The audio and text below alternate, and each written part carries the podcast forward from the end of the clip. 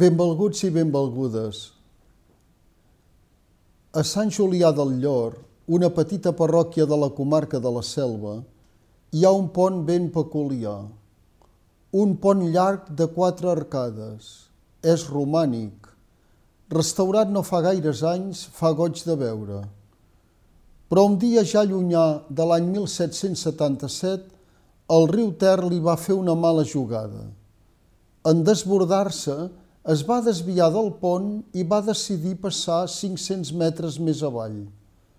El Ter i el pont van renyir. A partir d'aquell dia, el Ter segueix riu avall per les arbredes i el pont roman solitari enmig d'un camp, esterniat al soleil. Sempre que l'he anat a veure, m'ha causat admiració i al mateix temps molta pena admiració per la seva antiguitat i admirable bellesa, per la resistència dels seus carreus i la solemnitat de les seves arcades. I pena de veure'l tan isolat, ignorat i completament inútil.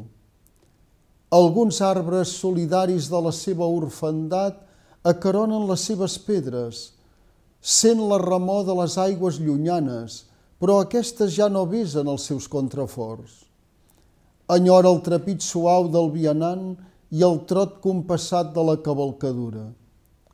El pont de Sant Julià del Llor fa prop de 250 anys que no fa de pont. El pont de Sant Julià em serveix de comparança amb l'església d'avui i la de sempre.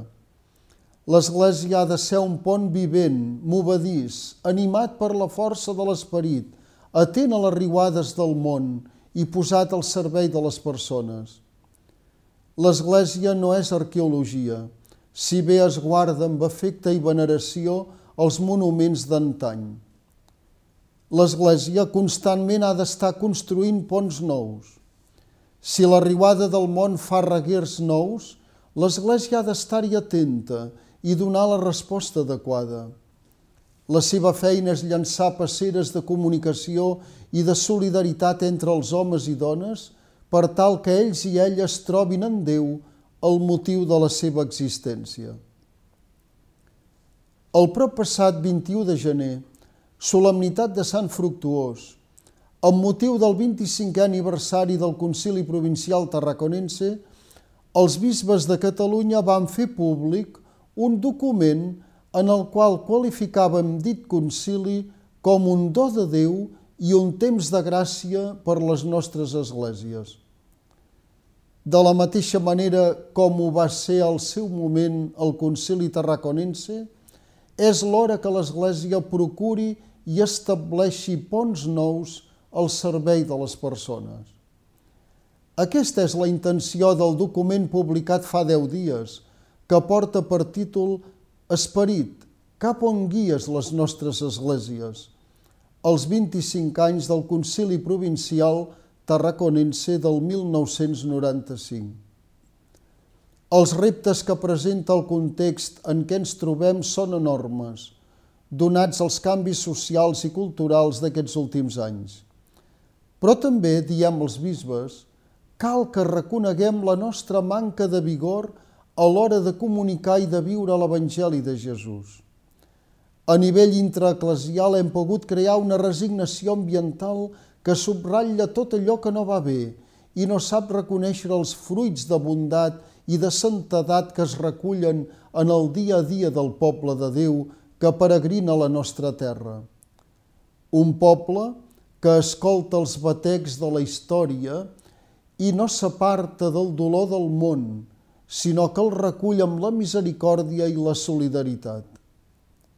Per contra, l'Església no ha d'estar reclosa en les seves estructures i organismes, sinó que s'ha d'encarnar i fer-se solidària dels goig i les tristeses, els sofriments i les esperances de la humanitat. Com afirmava el papa Francesc en el missatge de la passada Pasqua, que el Senyor faci de nosaltres constructors de ponts i no de murs. Si l'Església no vol quedar-se raconada i sola com el pont de Sant Julià, s'ha de mullar els peus i ha de continuar fent ponts nous.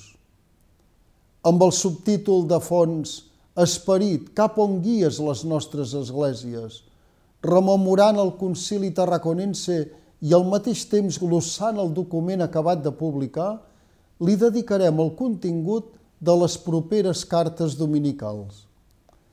Adéu-siau i fins la setmana vinent, si Déu vol.